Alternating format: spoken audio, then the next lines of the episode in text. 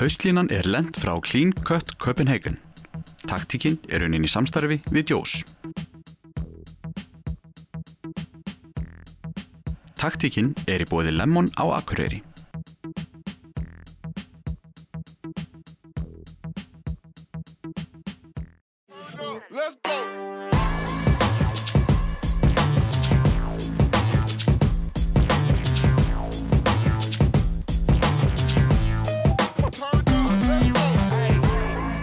Já, komið sæl og velkomin í taktíkina. Við hefjum þáttinn á fótbolta, en færum okkur svo yfir í skákina í lok þáttarins. Það er kannski rétt að hefja þáttinn hérna á þér, Aron. Þú ert eiginlega bara nýbúin að hefja knastbyrnu ferilinn. Já, það má segja það. Það er ekki, ekki langt síðan það byrjaði allt og, en ég hafði nú þá ágætist grunn því ég var yngri og, og spilaði þá sem útileikmaður en, en maður er búinn að vera stutt í markinu. Þú ert núna aðalmarkmaður Káa í fótbolta, mestrarflokk, spilar í Pepsi-deildinni, byrjar að æfa í februar á síðast ári. Já, það má segja það. Ég kipti mér hann að markmannshanska oktober 2016 og, og mætti þá einhverjar eina, tvær æfingar og fór síðan bara aftur í handbóltan. Síðan var ekki fyrir ég hætti í handbóltanum alveg en í februar 2017 að ég fór bara í fótboltana fullt og til að hafa eitthvað að gera. Þú verður að segja okkur, hvað gerist þarna? Af hverju ákveður það að skipta yfir í, í fótboltan svona sen? Það var nú bara, ég var nú bara orðið þreyttur á, á handbóltanum og var lengi í þessu og, og, var ekki búið að ganga neitt mikið og það var bara svona eitthvað sem ég fekk bara á einn aðingunni. Ég langaði bara að hætta þessu. Sagan segir að þú hefði verið á leik úti og verið að horf- horfa á Valdés eiga daldi slæman leik. Já, það var ekki, það var aðeins, aðeins öðruvísi en ég hérna, ég var að horfa á hann í uppbytun og ég sagði svona við félagana að hann væri nú ekki nógu góður í uppbytunni. Ég hugsaði með mér að, sagði við á að hérna, ég hugsaði ég geti nú gert betur en hann og þeir sögðu nú, hlófu bara að mér og, og hérna, sagði að það var ekki möguleiki en ég ákvaði með að kaupa mér hanska í þessari, ferð og, og pröfa að mæta það einhver vikun eftir og, og síðan byrja á fullt þarna nokkur mánuðum setna. Já, sá hlær best sem síðast. Þú hlýtur að hlæja svolítið að þeim núna í dag. Já, já, klárlega, klárlega, þeir gera mikið grín að þessu.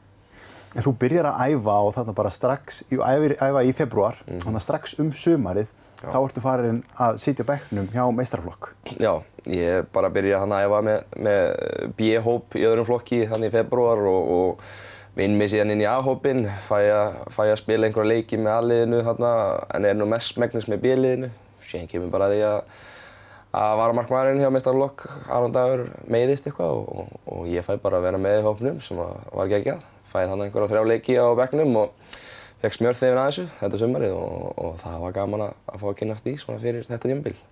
Síðan er Aron Dagurinn mitt sendur á, á lán og síðan meiðist Martínez og þá ert þú bara komin inn sem aðalmarkmaður hérna sumarið eftir. Já, það var ótrúlegt sko.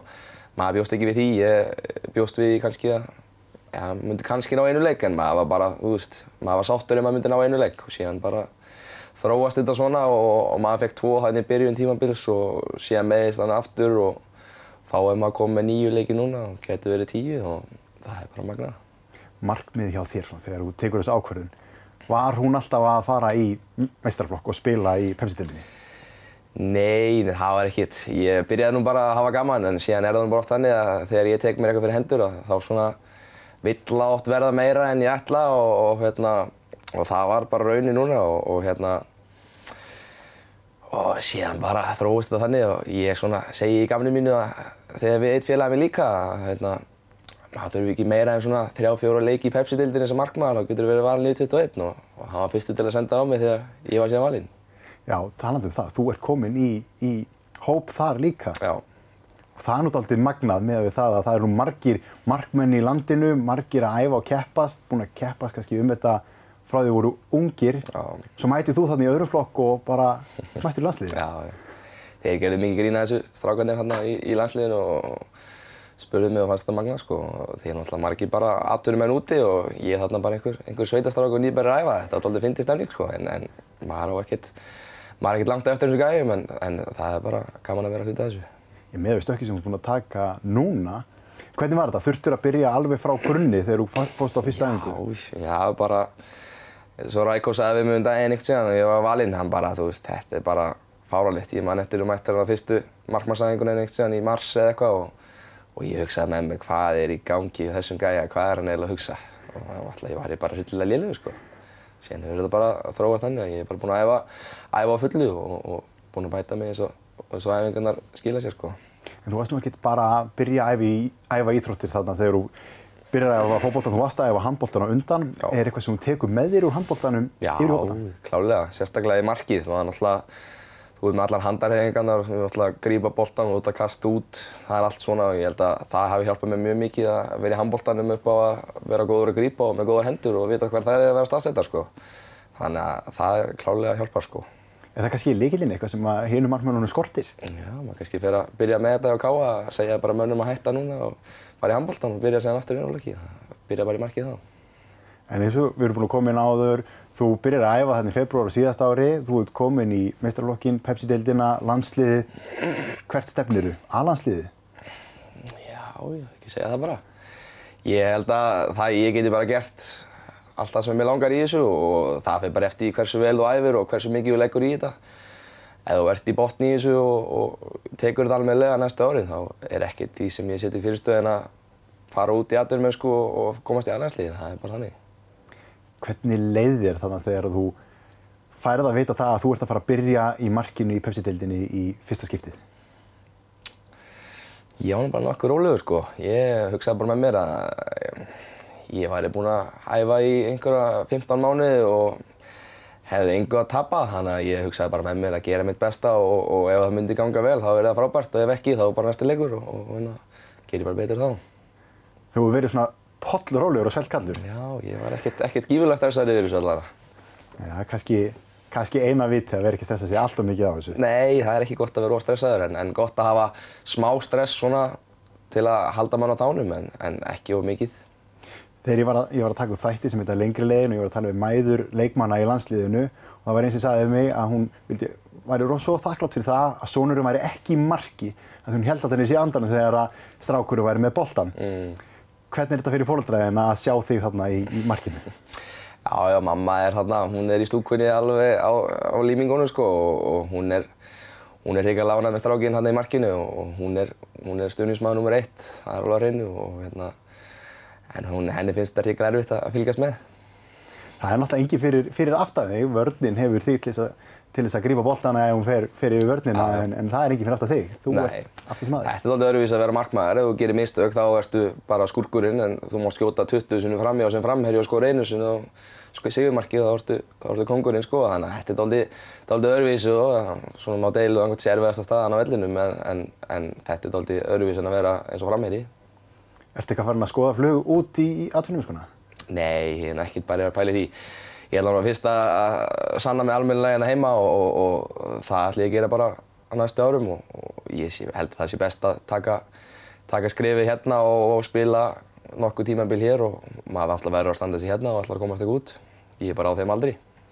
Og þú ert búinn að vera að standa þig vel, þú ert búinn að spila þetta nýju leiki og, og úrslitir hafa nú bara verið fín í þessu leikjum og, umtalið þannig að þú verið að standa þig vel líka. Já, við erum búin óöfnir að tapa nokkrum leikjum niður á, á loka mínúndunum sem hefur verið gífurlega svekkjandi og, og oft mjög nálægt í að halda hreinu og, og hérna, en framistæðan búin að vera, vera kvín og, og alltaf móti stórum liðum. Þetta er búin að vera móti toppliðunum núna undanfarið og, hérna, við hefum verið að ná í nokkuð stig og, sigur og, þannig að við erum svona nokkuð, nokkuð ánægði með hvernig þetta hefur verið núna. Spennandi tíma framöndan, það er nýr þjálfari á leiðinni og, og verður spennandi að fylgjast með þér hver næstu skref verða og klálega leikmaður sem að maður á að fylgjast með.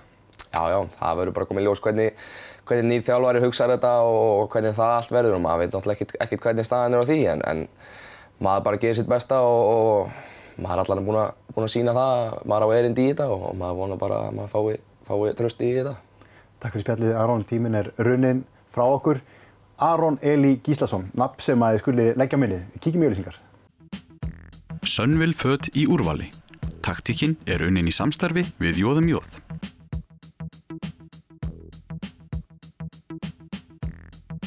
Taktíkin er í bóði Lemon á Akureyri.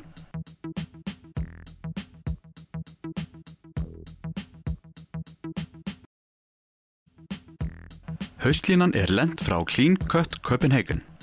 Taktíkin er unnin í samstarfi við Jós. Taktíkin er í bóði Lemon á Akureyri.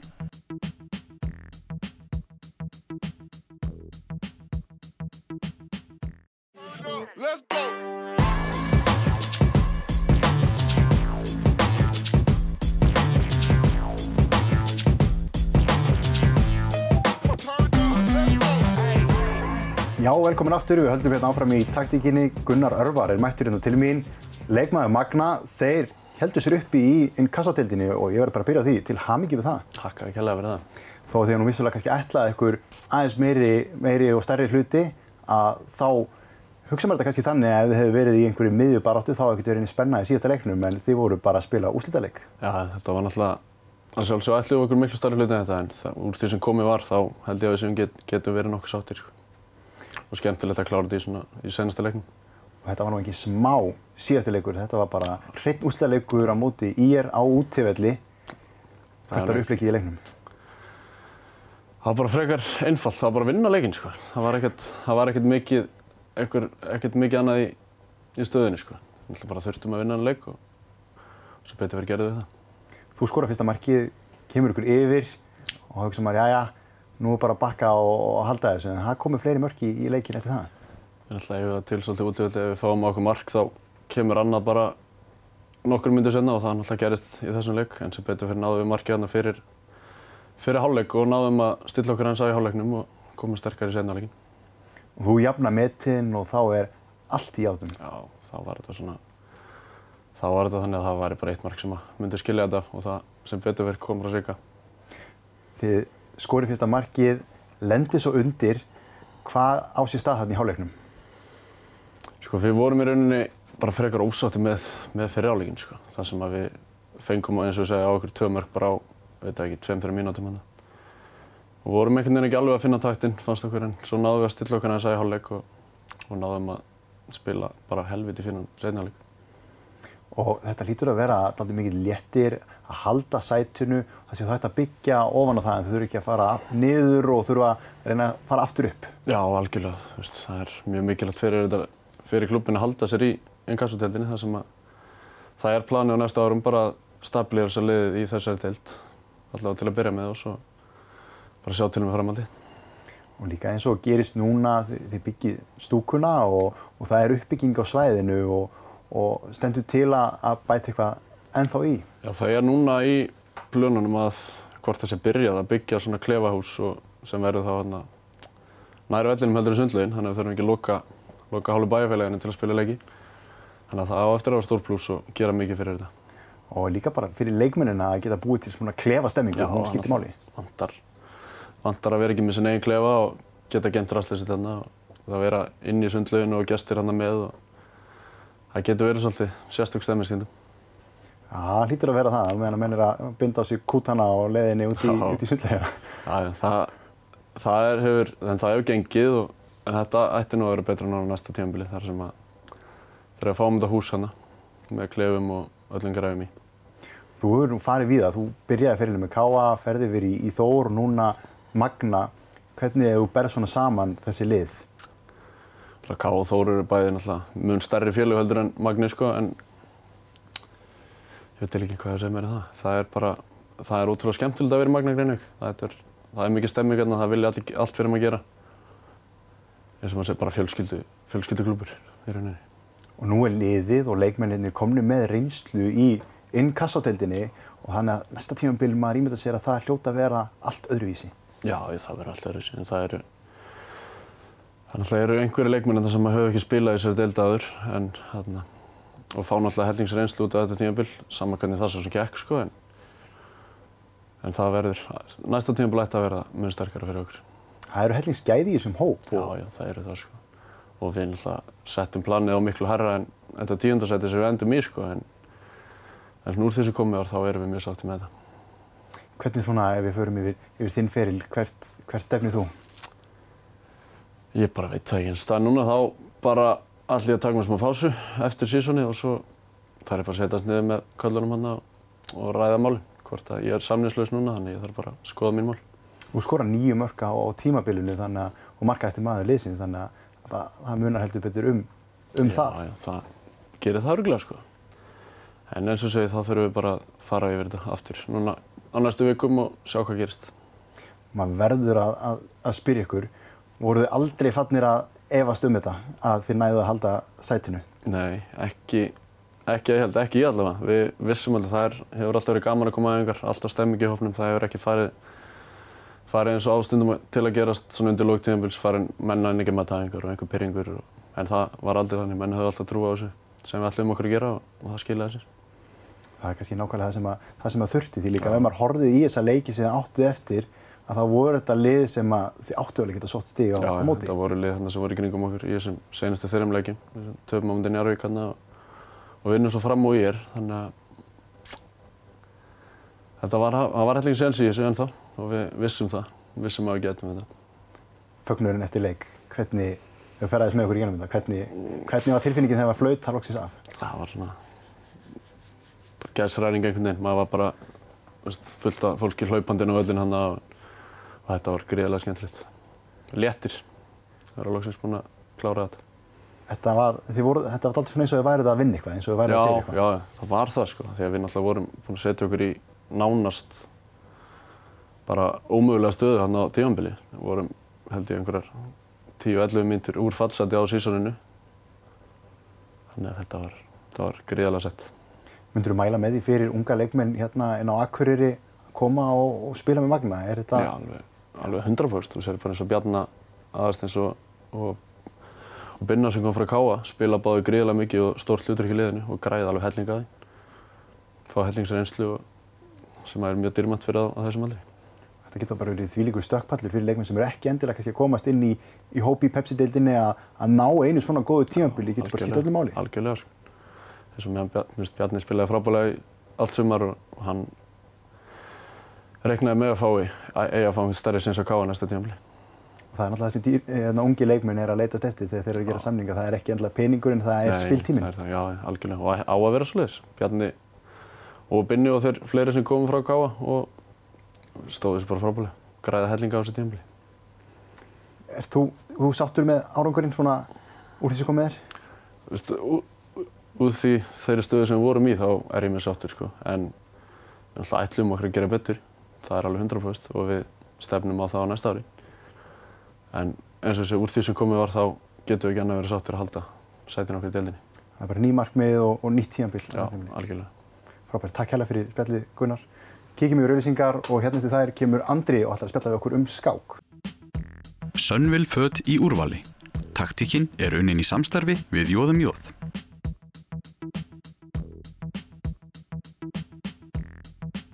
Taktikinn er í bóði Lemon á Akureyri.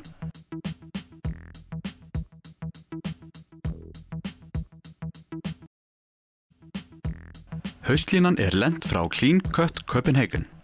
Taktikinn er unnin í samstarfi við Jós. Taktikinn er í bóði Lemon á Akureyri.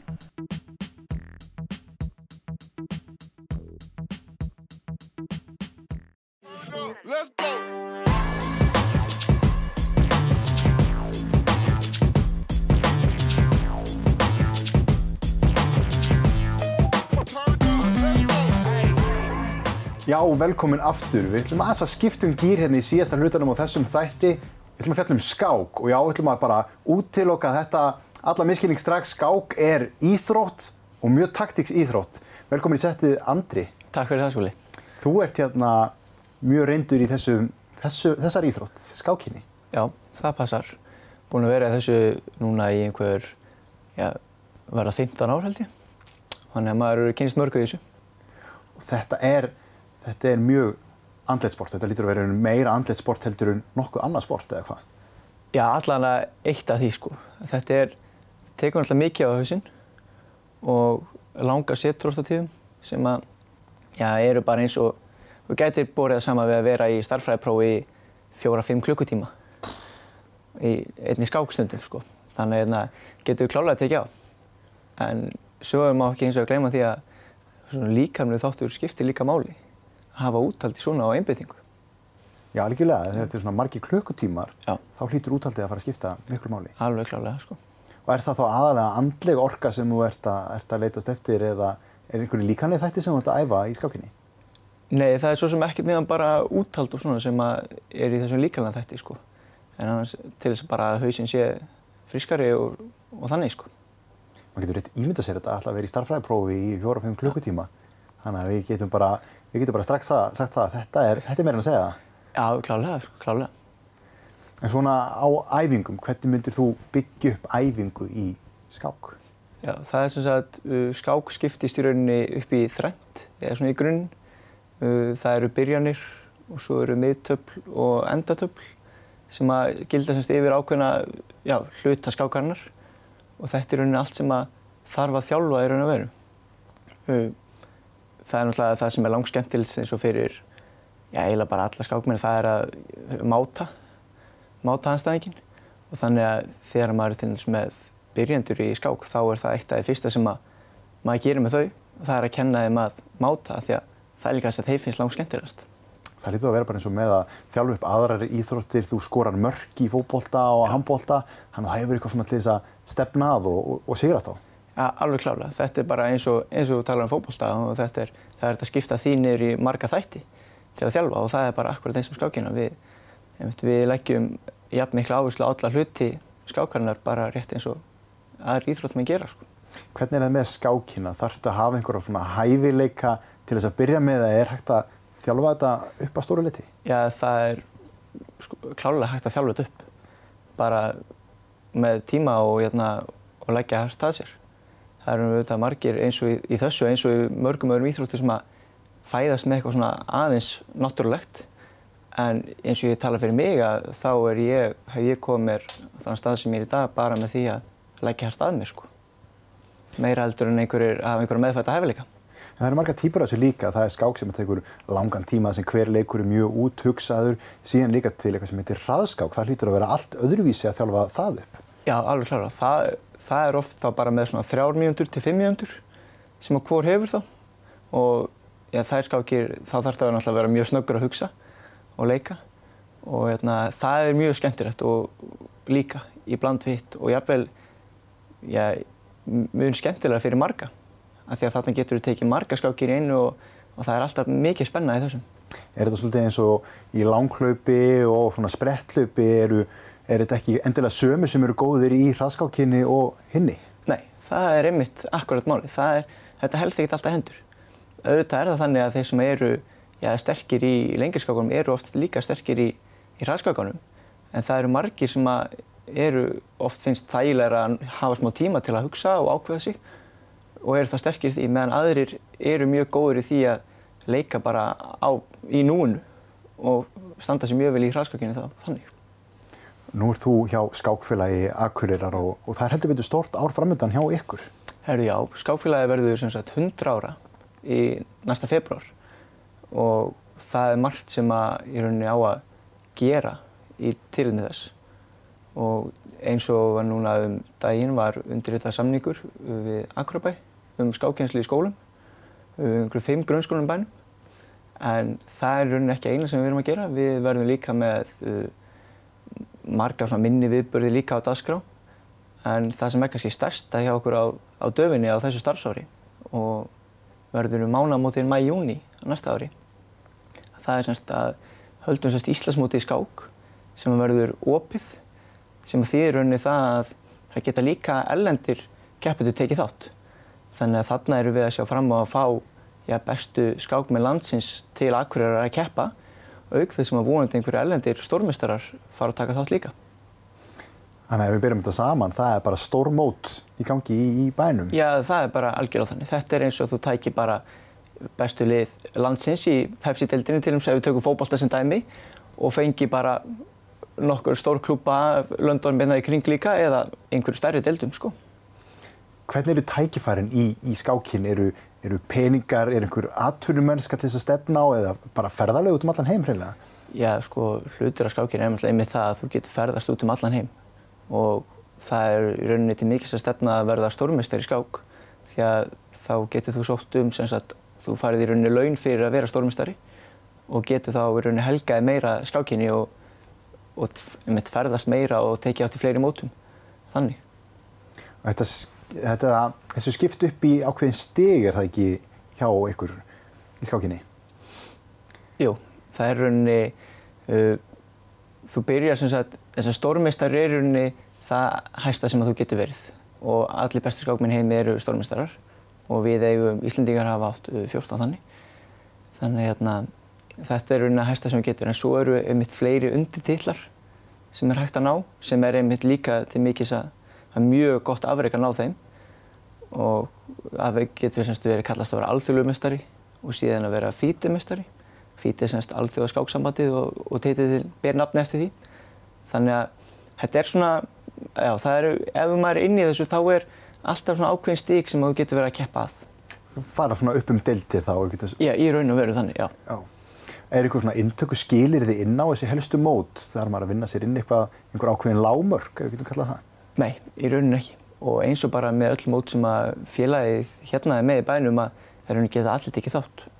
Það er rauninni, það er engin kraf á það hversu góð þú ert eða hversu mikið þú kant. Það geta í rauninni allir tekið þátt og það er þannig með ja, lang flest mót og bara öll mót sem er á Íslandi að það er rauninni skiptir einhver máli hvar þú stættur það geta allir tekið þátt.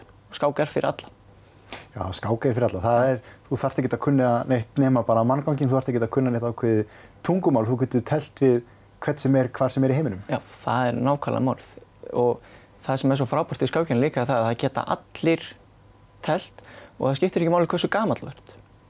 Þeir sem eru 5-6 ára og nýbyrjar að læra manngangin, þeir geta vel telt við einhverja sem eru 70-80 og, og bara tekja á. Af því að það, það skiptir ekki öllu máli hversu gamall þú ert og þetta er eitthvað sem þú getur gert alltaf. Þú veist, það er einmitt, hvort sem þú ert ungur eða gamall, skákinu er eitthvað sem allir geta gert. Og þetta er hugarleikumið, þú ert að þjálfa hugan, þannig að þetta skiptir kannski bara alveg eins miklu máli að læra þetta eins og íslensku eða, eða starffræði eða hvað sem Já, er þetta í skólanum. Klálega hjálpar alltaf mikið til við hausinu og, og einbyttingu og annað slíkt sko. Og raukugsun og geta hugsað fram í tíman og eitthvað álíka þannig. Þannig að þetta er klálega mikilvæg þáttur í, í því.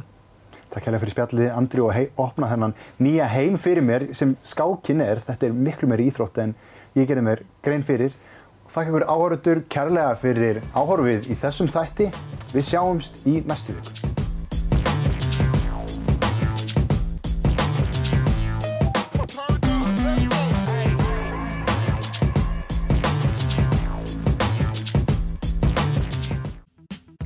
Sönnvill föt í úrvali. Taktíkin er unnin í samstarfi við Jóðum Jóð.